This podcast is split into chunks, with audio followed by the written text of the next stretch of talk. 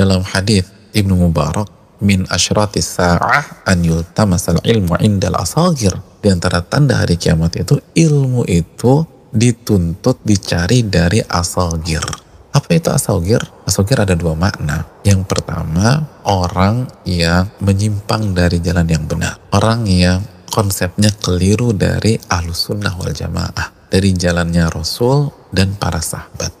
Para ulama itu konsepnya berusaha mengikuti Rasul dan para sahabat. Tapi nggak ada yang sempurna. Mungkin ada kekeliruan, mungkin ada kesalahan, tetapi konsep dasar berusaha mengikuti Nabi SAW dan para sahabat. Nah tapi kalau konsep awalnya sudah keliru, nah ini yang perlu diperhatikan jamaah. Yang berikutnya, kata para ulama itu, asogir yang kedua adalah orang yang lurus, nggak menyimpang, lurus, benar di jalan yang benar, tapi nggak punya kapasitas jadi guru.